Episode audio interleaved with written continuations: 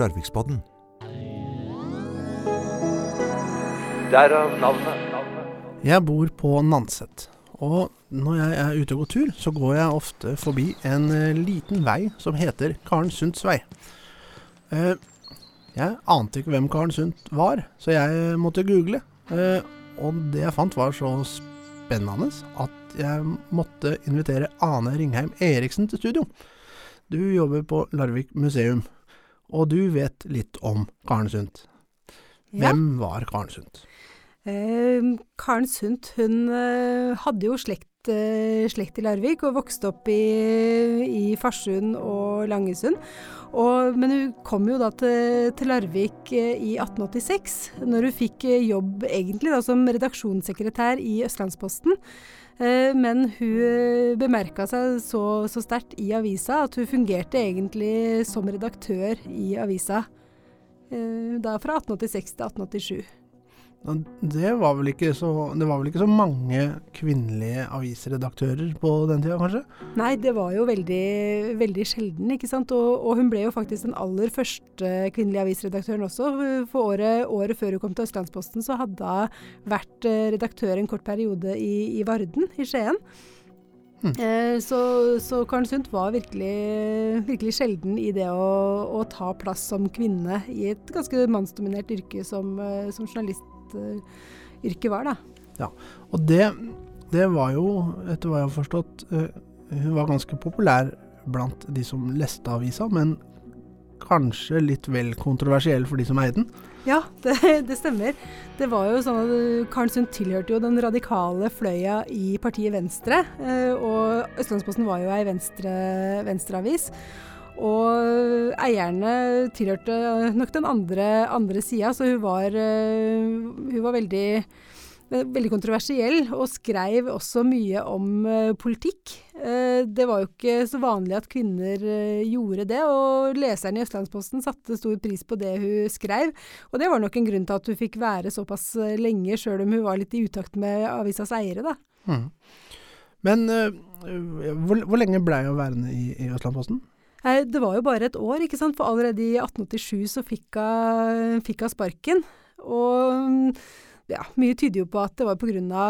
Eh, de politiske mm, eh, uenighetene med, med avisa. Men, men eh, det som ble brukt som eh, beg offisiell begrunnelse, det, det var jo da at hun hadde et, et, et romantisk forhold i byen uten å være gift. Og, og, og sånne romantiske forhold, det hadde jo Karen Sundt eh, flere av, og det, det la jo ikke skjul på heller.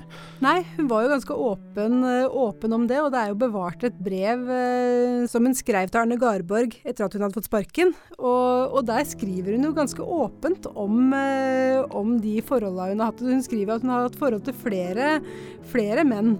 Og når hun skriver på den måten, så bryter hun jo også veldig med, med det kvinneidealet som man hadde på den tida, og, og ikke minst eh, den moralkodeksen som kvinner skulle følge på den tida. Og Arne Garborg var jo heller ikke en mann hun kjente. Nei, nei, det var jo som hun skrev jo da til, til en fremmed om, eh, om ja, ganske åpent om eh, sine seksuelle forbindelser. Mhm. Men eh, det, det hun levde av, det var jo ikke politikk og, og den slags. Hun, hun skrev jo bøker som eh, som i, i dag ville havna i sjangeren kiosklitteratur, eller som havna i den sjangeren eh, den gang. Ja, eh, hun ble jo, fra 1890-åra så ble hun kjent for, eh, for den såkalte kolportørlitteraturen.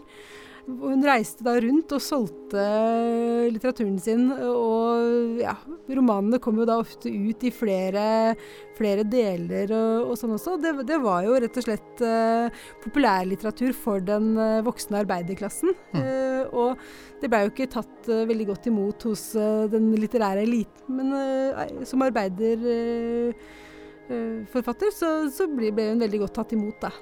Og hun fronta også i litteraturen sin en god del eh, politiske forhold, og, og, og en del av eh, figurene i romanen hennes var jo eh, virkelige, men under andre navn.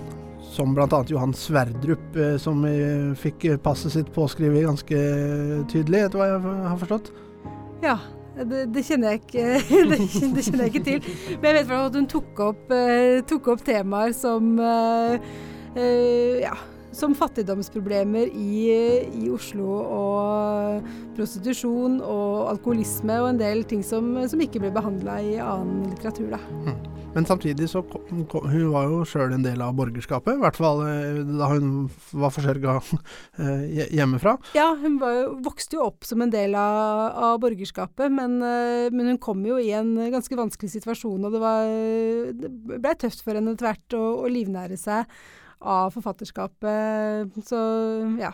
Så hun følte nok etter hvert en sterkere tilknytning til arbeiderklassen. Ja, og det er også spesielt da politisk, for partiet Venstre det tok hun jo etter hvert eh, ikke bare farvel med, men avstand fra. Ja.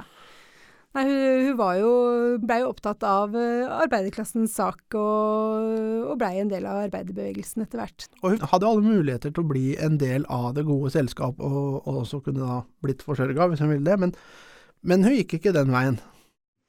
Nei, hun var nok veldig sånn trofast mot sine idealer. Og, og var hele tida opptatt, uh, mer opptatt av å fronte idealene sine da, enn å skulle passe inn. Så, så sånn sett så var hun jo en ganske bemerkelsesverdig kvinne på, på, den tida, hvor kvinner skulle føye seg, og hvor kvinner skulle være moderlige og absolutt ikke drive med, med politikk og sånne ting, som ble oppfatta som mer sånn mannhaftige for kvinner, da.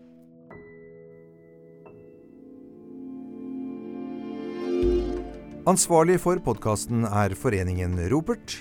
Og du hørte Kjetil Wold i samtale med konservator Ane Ringheim Eriksen fra Larvik museum. Opptak og lyddesign Geir Atle Johnsen.